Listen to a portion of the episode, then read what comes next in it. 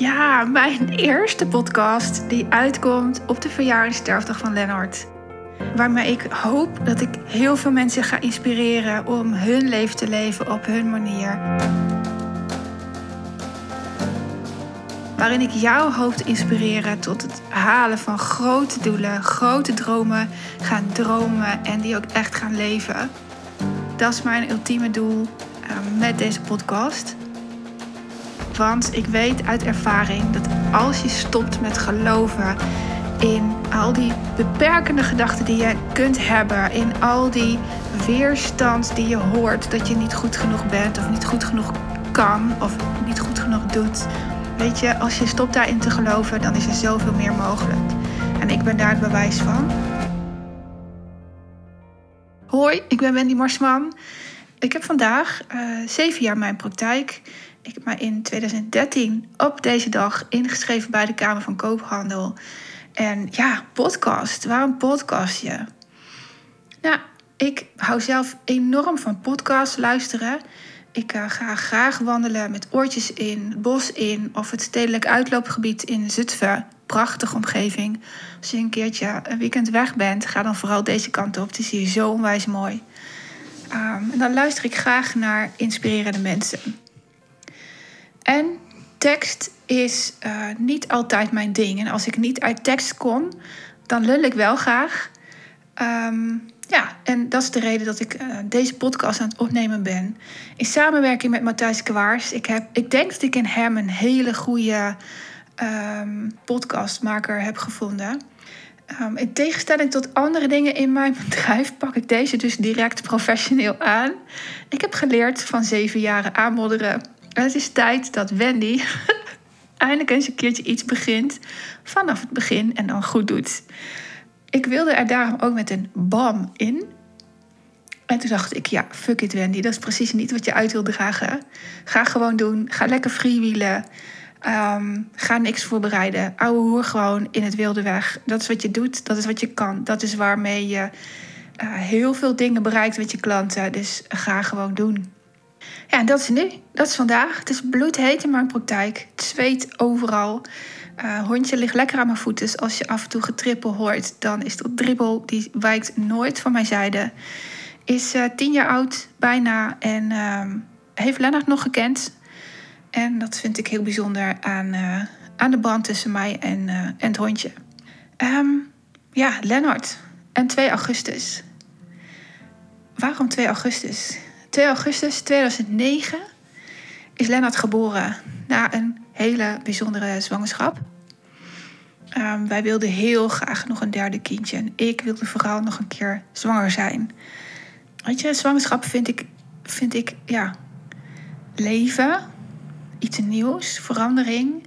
Zo bijzonder mooi. En als het je gegeven is, um, ja, dan mag je wel spreken van uh, geluk of bijzonder of wauw.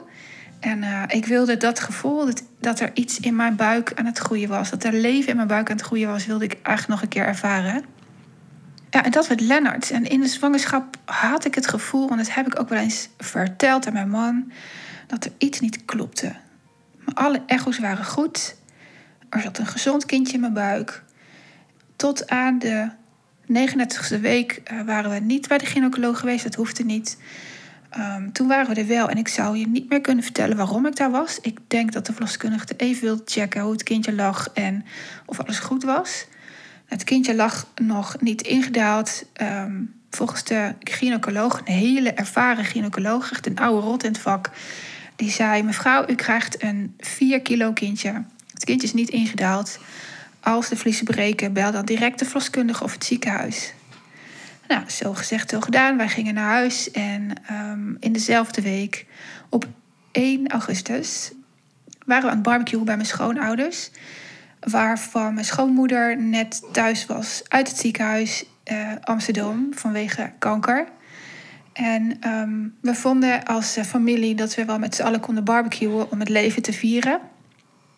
En ik vond dat heel bijzonder, want ik dacht, ja, nu is iedereen in de buurt. Mijn zusjes zijn in de buurt. Um, en uh, alsof hij met mij speelt, is onze hond nu aan het dromen.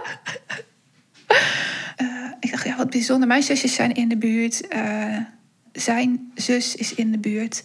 Wat zou het gaaf zijn als ik nu ga bevallen en iedereen vanaf het eerste moment Lennart kan ontmoeten.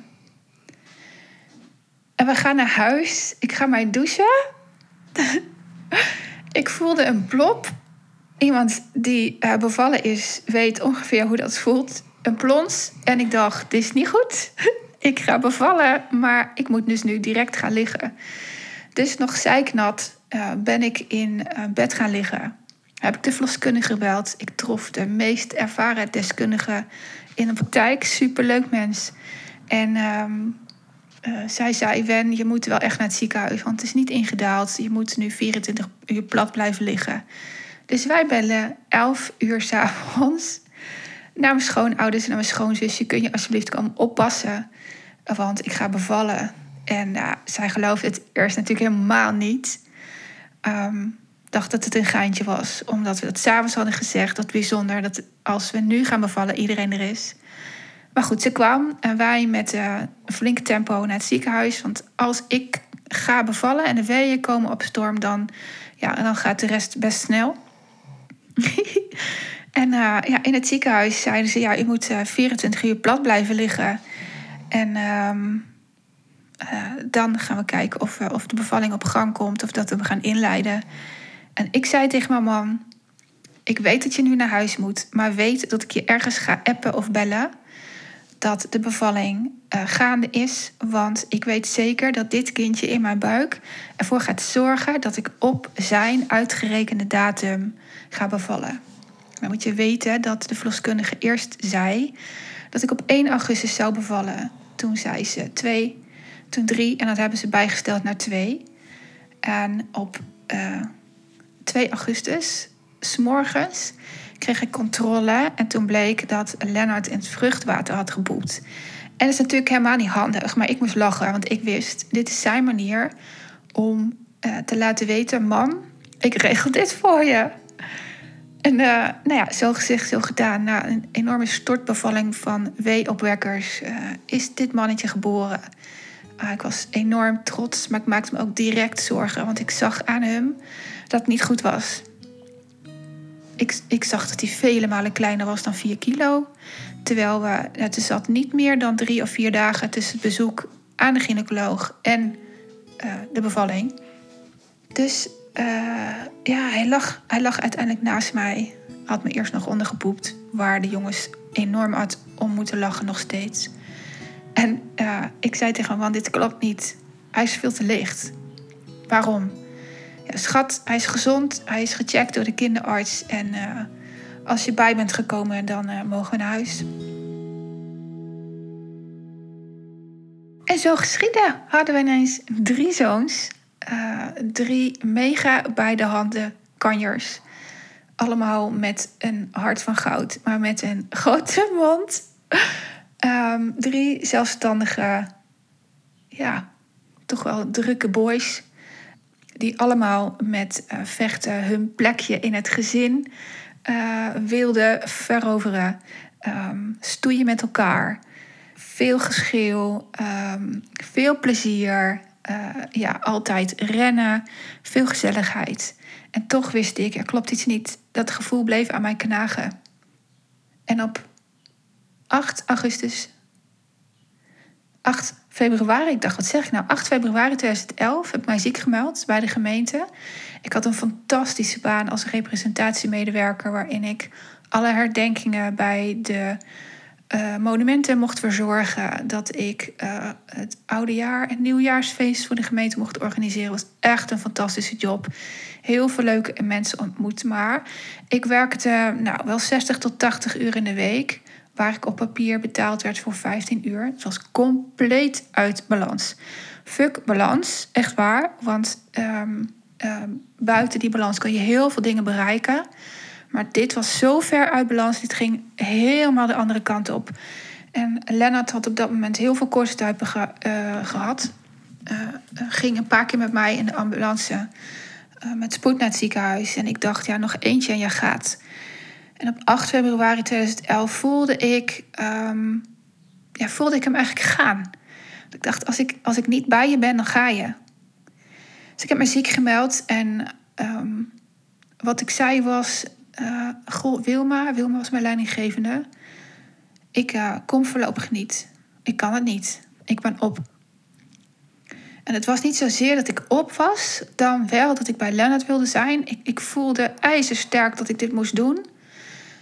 Ik wist ook dat ik daar voor het eerst in mijn leven voor mezelf koos. Voor wat ik voelde. Ik, ik ging mijn intuïtie af. Wat ik eigenlijk wilde zeggen was: Goh, Arnold, dat is de burgemeester waarvoor ik toen werkte. Ik kom niet, want mijn kind gaat dood.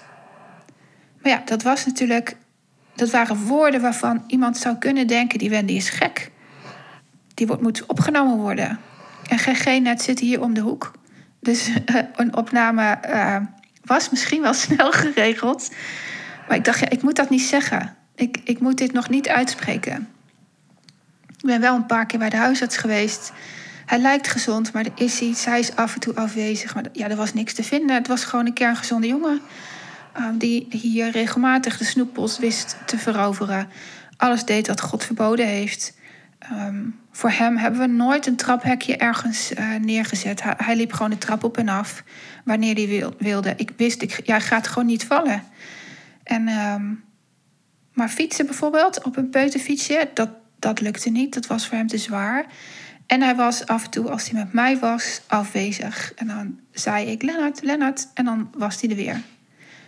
Ik had steeds sterker het gevoel dat hij zou gaan. En op 1 augustus wist ik, er klopt iets niet. 1 augustus 2011. Ik heb het nu over twee jaar later. En 2 augustus vierden we zijn eh, verjaardag nog een keertje. We hadden het op 31 juli ook al gevierd, omdat dat op een zondag was en alle familie kon. En op eh, 2 augustus vierde ik het nog een keer. Het was bloedheet. Ik wilde per se iets doen. Hij was wel bij de crash geweest voor het eerst na de zomervakantie. Maar ik wilde barbecuen.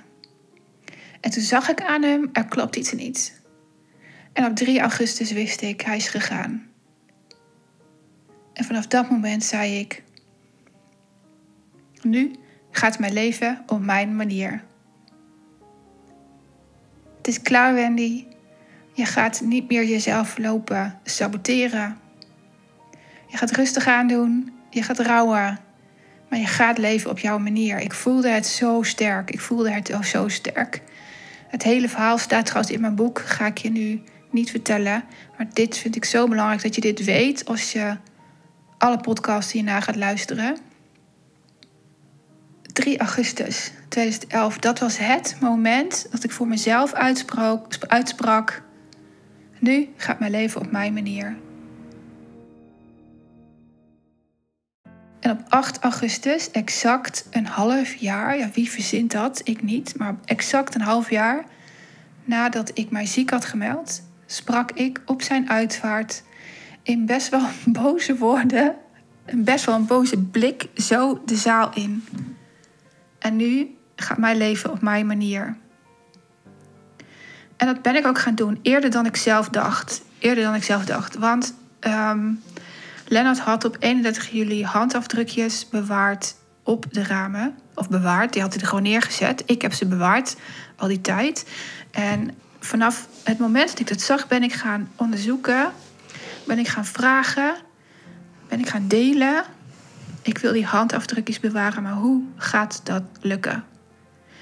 Pinterest ging ik af, ik ging het delen op Twitter. Volgens mij heb ik gegoogeld op kwastjes, vet en bewagen.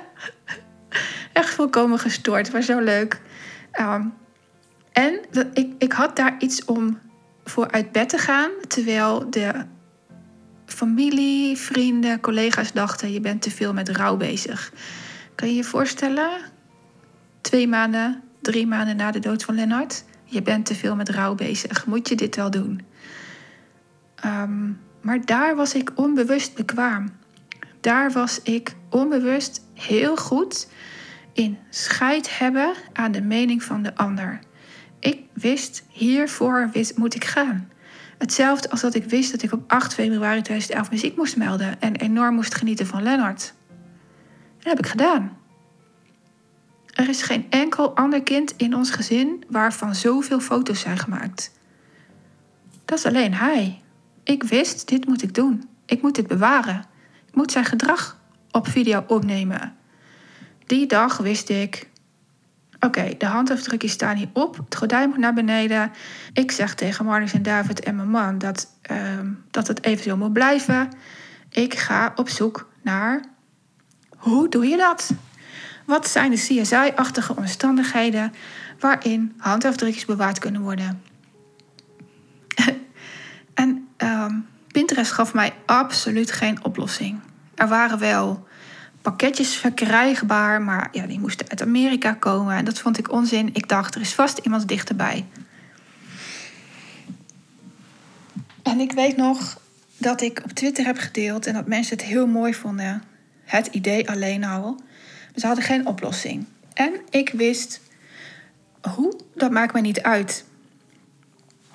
Hoe heb ik scheid aan? Al moet het raam eruit, al moet er een nieuw raam in, al moet er een uitsnede uitgemaakt worden zodat er een raam in komt die open kan, want onze ramen kunnen niet open.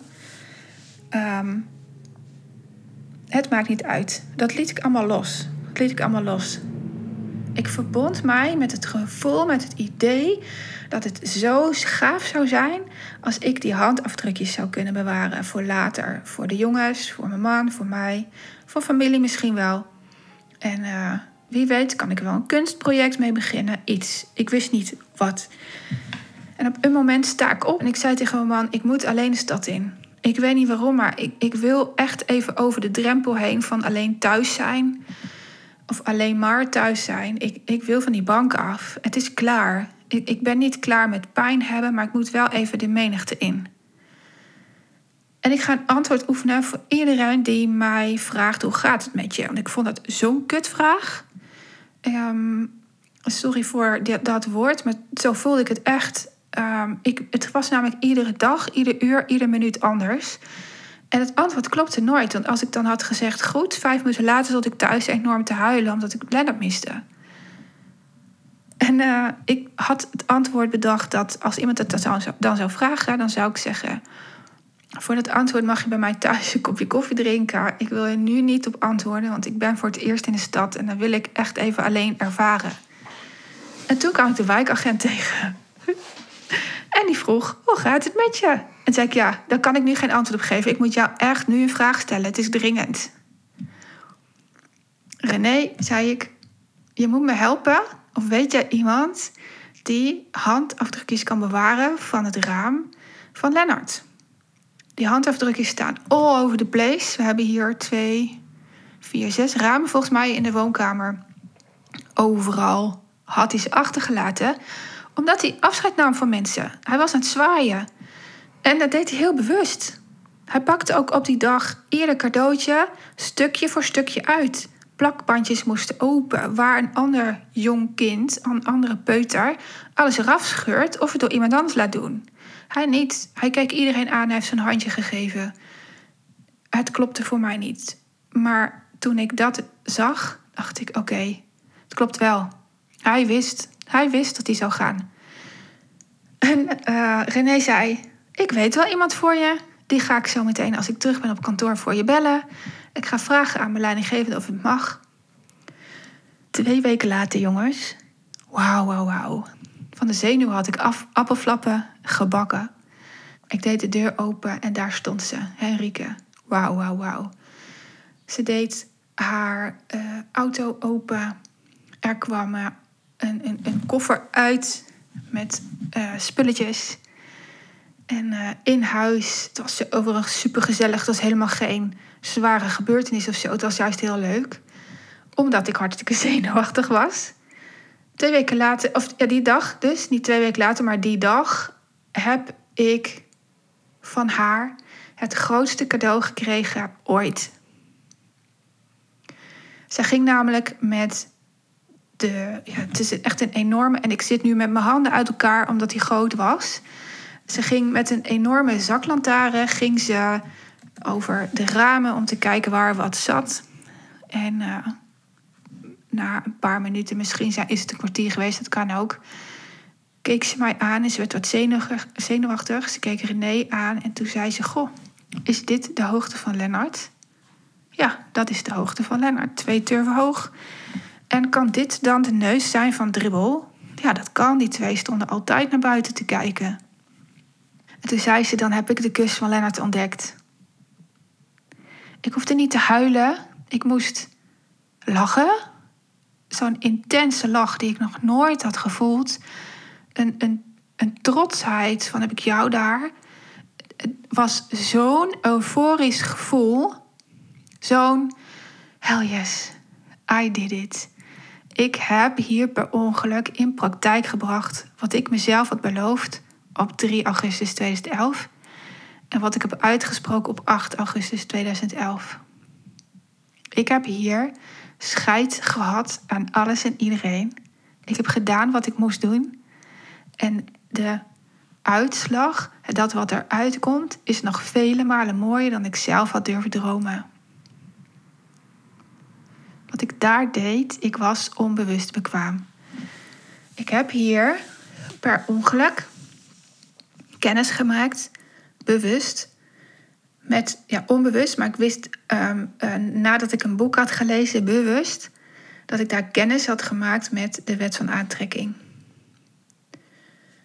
Ik heb dezelfde dag alle stappen die ik heb gezet om die kus te vinden opgeschreven en altijd bewaard. Bij alles wat ik doe, bij alles wat ik droom, zet ik de wet van aantrekking in werking. Ook deze podcast.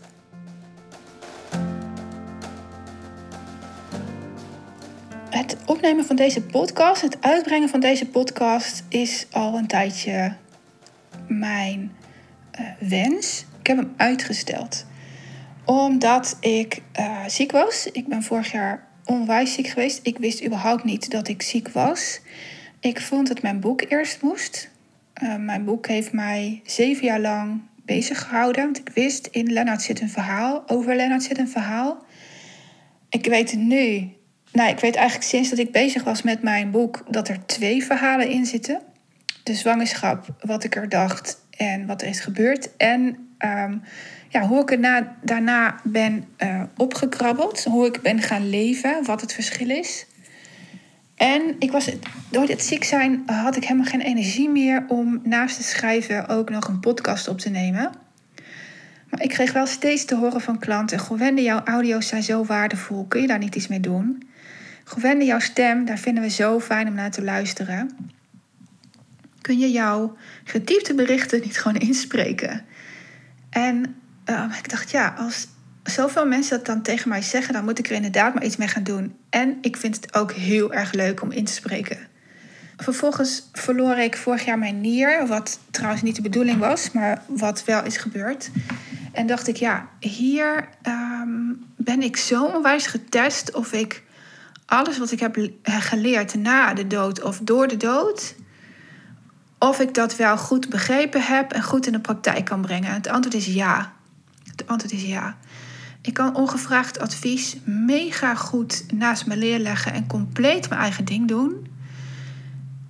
Ik kan vertrouwen opwekken in situaties die helemaal voor het oog van een ander um, niet te vertrouwen zijn. Dus ik, um, ik heb zeven weken in het ziekenhuis gelegen terwijl mijn boek uit zou komen. Dat is uitgesteld. Hij zou op 10 oktober komen. Dat is uitgesteld naar 8 december. 10 oktober lag ik namelijk nog doodziek in het ziekenhuis.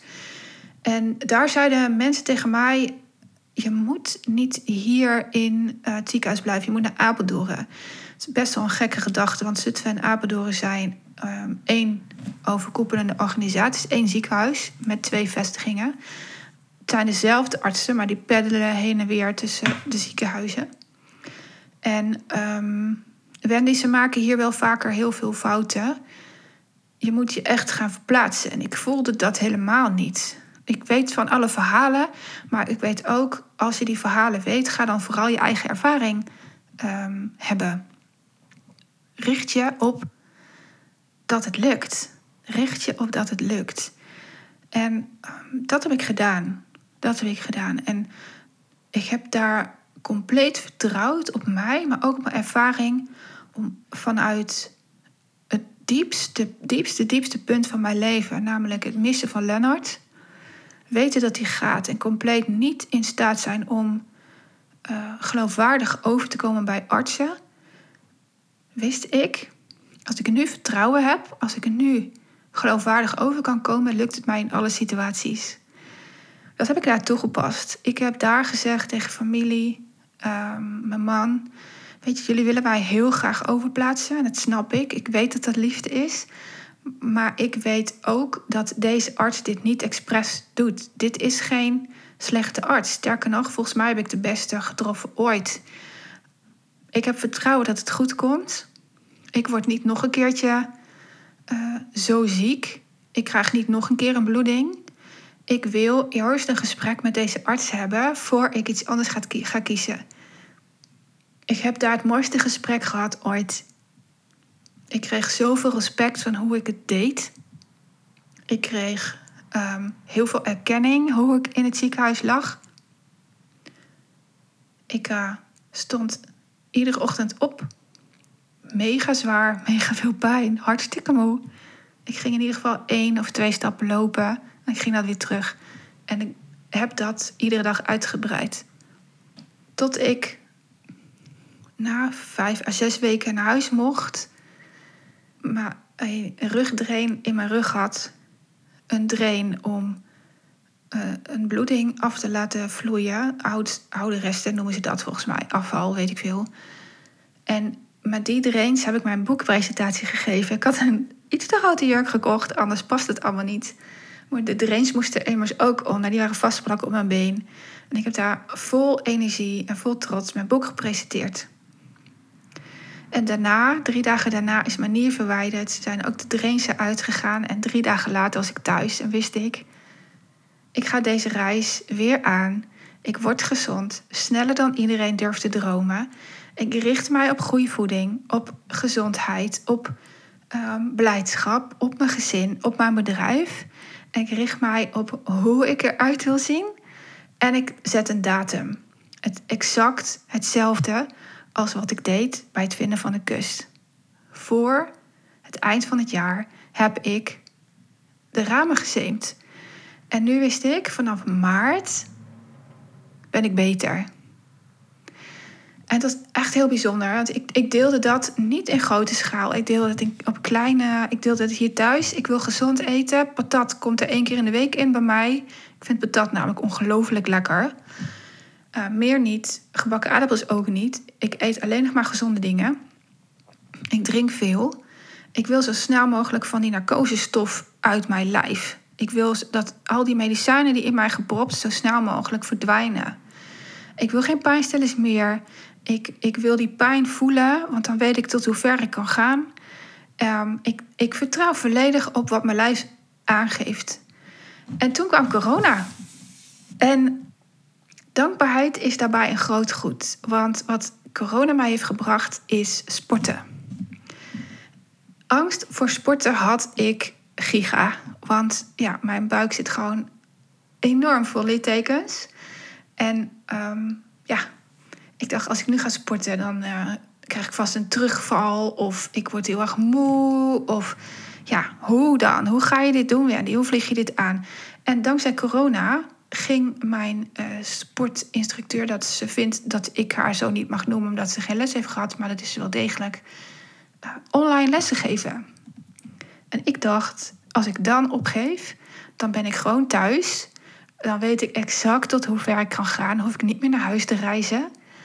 Ik hoef niet mee te doen met de anderen. Ik kan volledig mijn eigen tempo ervaren. Dit is je kans, Wendy. Dit is je kans. En dat heb ik gedaan. En tot mijn grote verbazing, tot mijn grote verrassing, kon ik gewoon dit half uurtje meedoen. Wauw, wat een overwinning. Ook hier geldt, als je denkt hoe het gaat, weet dan dat je lijf misschien wel tien keer meer aan kan dan je denkt.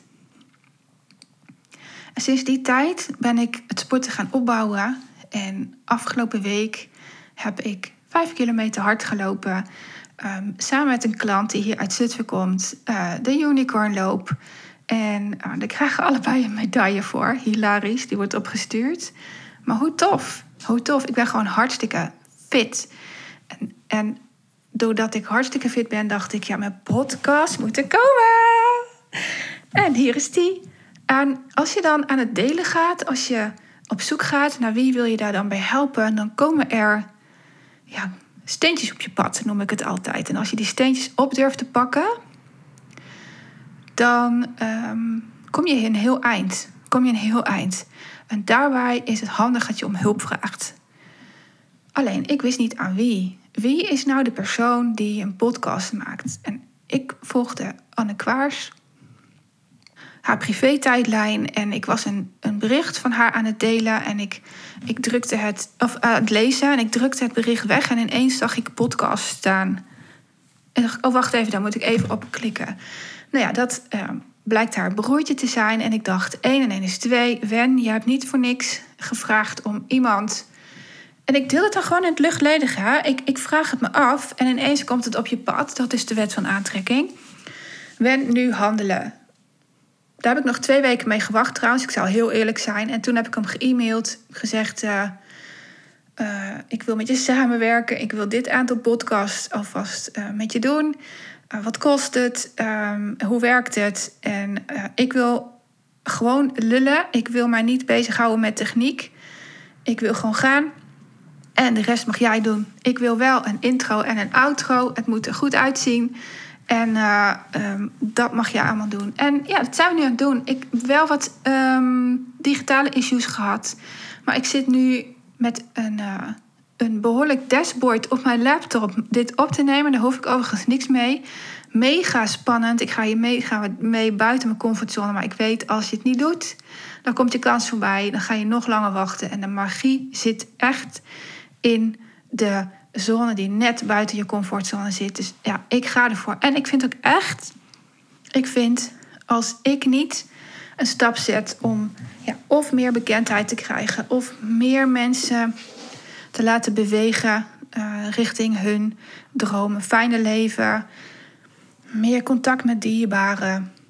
Dat ze straks geen spijt hebben als ze doodgaan dat ze iets niet hebben gedaan, dan moet ik het ook doen. Ik kan niet verkondigen um, bij mijn klanten dat ze een actie moeten doen die spannend is als ik het zelf niet doe. Dus ik doe iedere maand in ieder geval iets wat ik heel spannend vind.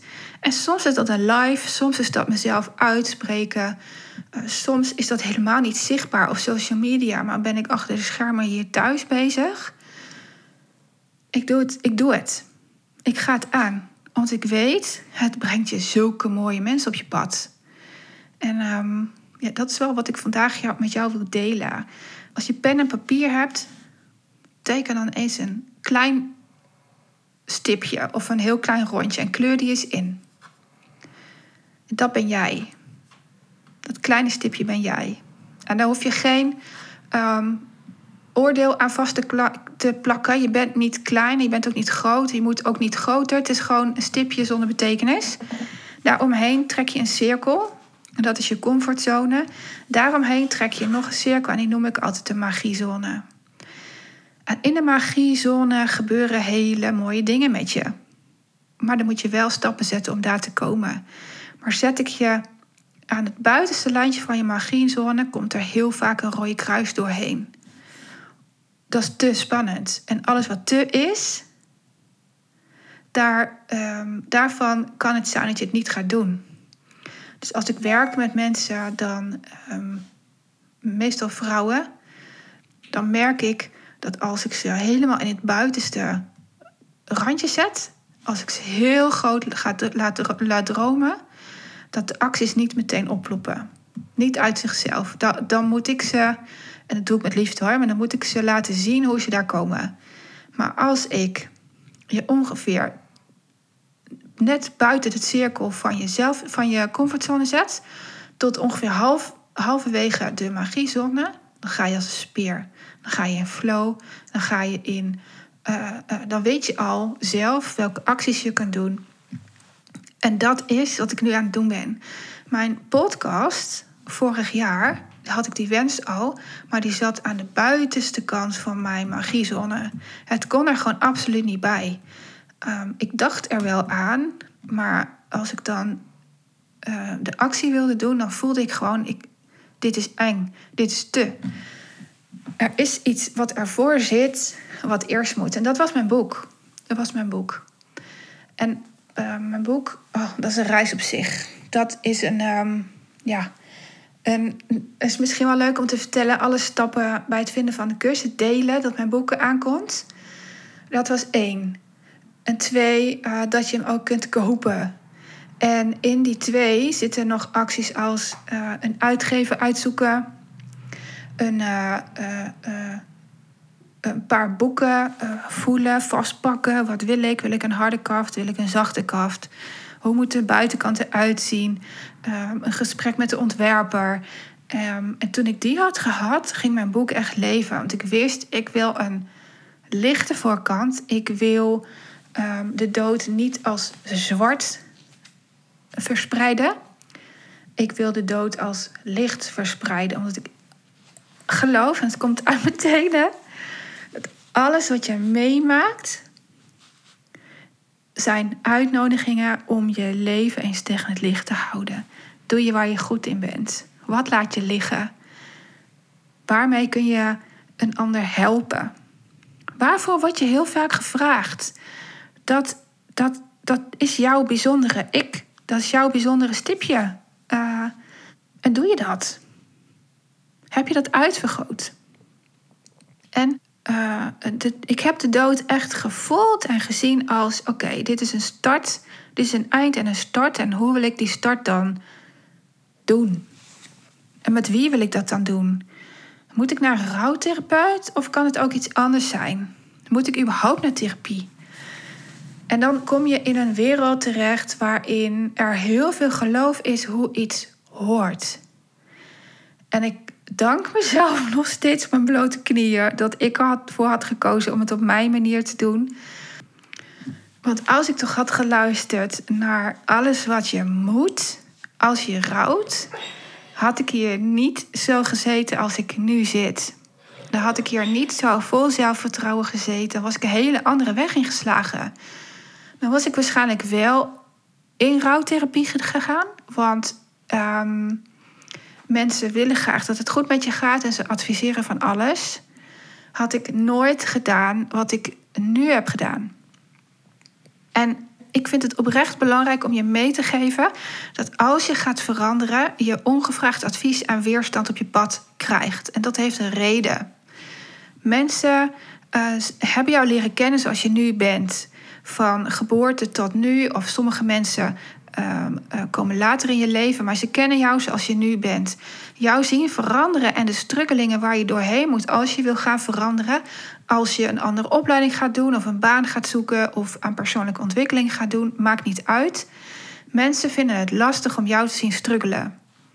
En zij gaan jou proberen weg te houden bij um, ja, alles wat je wil veranderen. Zou je dit wel doen? Weet je het wel zeker? En uh, toen ik mijn baan opzij in 2017, mijn praktijk draaide als tierenlier. En ik, uh, ik voelde, ik, ik moet mijn werk niet meer bijhouden, want uh, dat, dat trek ik niet. Daar haal ik niet het meeste energie uit. Ik, ik ga mijn baan opzeggen. Tegen het zere van mijn man in overigens, want die, uh, die, die vond het mega spannend. Alsof ik dat niet vond, ik vond het ook spannend. En, maar daar zei ze tegen mij, je geeft alle zekerheid op. Je geeft je zekerheid van een salaris op. Maar ik geloofde daar dat mijn salaris maar enorm klein hield.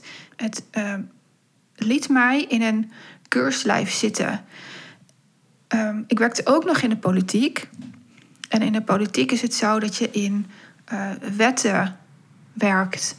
En die wetten zie ik als vierkantjes. En als je daar buiten treedt, ja, dan word je teruggefloten ik, ik voelde dus geen vrijheid. En ik ben absoluut niet gaan ondernemen voor de vrijheid. Want ondernemen op zich vind ik soms uh, uh, ja, zwaar, is niet het goede woord.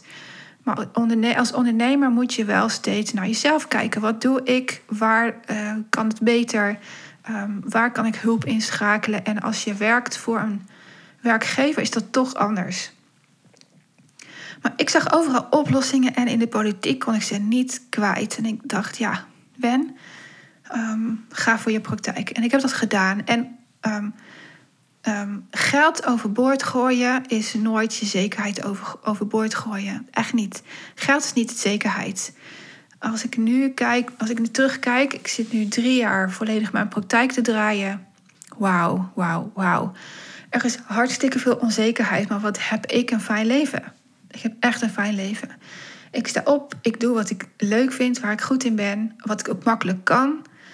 Ik um, stop smiddags, ik heb contact met de jongens, wat ik ongelooflijk leuk vind en die ik af en toe ook echt buiten de praktijk zet, omdat ik zo gestoord van word. doe ik mijn praktijk op slot, laat mij even alleen. En um, uh, ik, ik heb, ben nog steeds vreselijk verliefd op mijn man. En dat was echt anders gelopen als ik uh, niet het pad had gekozen wat ik heb gekozen. Als ik niet alle liefdevolle bedoelde ongevraagd advies opzij had gezet. Ik ben mij gaan richten op communicatie. Omdat ik zo nieuwsgierig was waarom mensen tegen mij zeiden dat um, ik het ergste had meegemaakt wat een moeder kon meemaken. Er werd ook verteld dat mijn leven nu over zou zijn. Ik werd gezien als de moeder van het overleden kind. En ik dacht, what the fuck, ik ben toch ook gewoon Wendy. En um, vrouw van en moeder van Marnix en David, tellen die dan niet meer mee of zo? Tel ik nu niet meer mee in de maatschappij omdat ik een dood kind heb? Ik vond dat echt bullshit. Ik vond het bullshit. En toen ben ik mij gaan verdiepen in waarom zeggen mensen dit? En op dat moment dat ik dacht, het is ook weer de wet van aantrekking, leukheid zit echt overal in. Dat ik dacht, ik wil hier iets mee. Uh, kreeg we de Zuttense Courier, uh, dat is zo'n lokale uh, krant, in de brievenbus. Ik sloeg dacht open en ik weet nog dat ik net weer aan het lezen was. Want ehm, ik weet niet hoe jij hebt als jij rouwt of hebt gerouwd, ik kon niet lezen. Ik, ik kon het allemaal niet onthouden. En op dat moment was ik net weer aan het lezen. En ik zag daar een um, advertentie staan. Uh, iets met communicatie. Basistraining communicatie. Uh, woensdagavond is er een informatieavond. Heb je interesse, ben je welkom, zoiets. En dan nog wat puntjes erbij, maar die puntjes had ik niet eens gelezen. En ik dacht, ach, wat, wat kan mij gebeuren? Niks eigenlijk. Die instelling had ik toen echt heel erg. Want ik dacht, als ze zeggen dat mij het ergens is overkomen, ja, wat is er dan nog erger? Dus ik ga gewoon. dat ben ik af en toe wel een beetje kwijt. Dat vind ik wel jammer. Uh, maar in deze tijd van het jaar heb ik dat gevoel heel sterk weer. En in december en in andere maanden moet ik daar moeite voor doen. Maar ik ging. Ik ging. Ging ik op mijn fietsje. Ik stapte bij uh, uh, Bronsberg uit. Dat is een, um, een vakantiepark, maar ook een conferentieoord. En ik, ik heb daar aan deelgenomen. En dat was de beste beslissing ooit. Daar leerde ik bij les 4 dat waar ik voor gek verklaarde, dat ik weer leuke dingen ging doen na de dood en dat ik weer met mijn gezin um, uh, ging leven, dat we uit eten gingen, dat we naar de Erfteling gingen. Bij les 4 leerde ik je hebt altijd een andere keuze. Je hebt altijd een andere keuze. En die woorden van Truus, mijn leraar, die sloegen in als een bom. Ik weet nog dat ik heb gehaald, jongens. Ik heb gehaald. Ik dacht, zie je wel. Ik heb wel gelijk. Waarom geloof ik nog steeds dat andere mensen het beter weten dan ik? Waarom? En ik ben gebleven. Ik ben voor die vraag gebleven in de hele opleiding. Ik heb vijf jaar lang, of vier, vier, vijf jaar lang volgens mij, ben ik opgeleid door haar tot coach. Ik heb alle shit die ik in mijn leven heb tegengeko ben tegengekomen, um, in die opleiding gegooid. Ik heb geoefend tot ik een ons woog. En wauw, wauw, wauw, wauw. Dat is de beste beslissing ooit. En nu lees ik nog steeds heel vaak de quote: het is niet wat je overkomt, het is hoe je ermee omgaat. En dat is exact wat in de woorden zit. Je hebt altijd een andere keus. En met die woorden wil ik heel graag deze podcast afsluiten. Want als je nu ergens mee zit en je hoort ongevraagd advies en je weet van jezelf dat het anders kan, dat het anders moet, je voelt vanuit je tenen dat je een andere weg in wil slaan. Sla dan de weg in die jij wil afslaan. Of dat rechts, links of rechtdoor is, of misschien een paar stappen achteruit, dat je even stil wil staan, dat is helemaal prima. Maar doe wat jij voelt. Doe wat je denkt. En doe wat je jezelf hoort zeggen. Ik geloof nog steeds dat op de dag van vandaag dat dat de beste weg is. Als je mij ziet zitten, ik zit echt met mijn handen te breken. Ik zit met mijn voeten. De hond is graag liggen, want die wordt helemaal gek van mij. Het komt echt uit mijn tenen. Doe wat voor jou goed voelt. En zo vaak laten we er ons van afbrengen doordat andere mensen het moeilijk vinden om jou te zien veranderen. Maar fuck dat. Sorry voor dat woord. Ga je nog veel vaker horen in de volgende podcast. Fuck dat. Fuck hoe het hoort. Ga scheid hebben aan en ga doen wat bij jou past.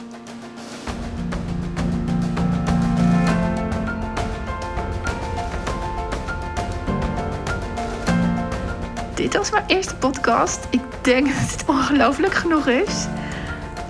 Ik vind het ongelooflijk leuk als je laat weten wat de eerste podcast met jou gedaan heeft. Hoe je naar geluisterd hebt. Gooi een foto in, uh, in stories. Tag mij. Vind ik leuk. Kan ik het delen. Op naar podcast 2. Ik heb er zin in.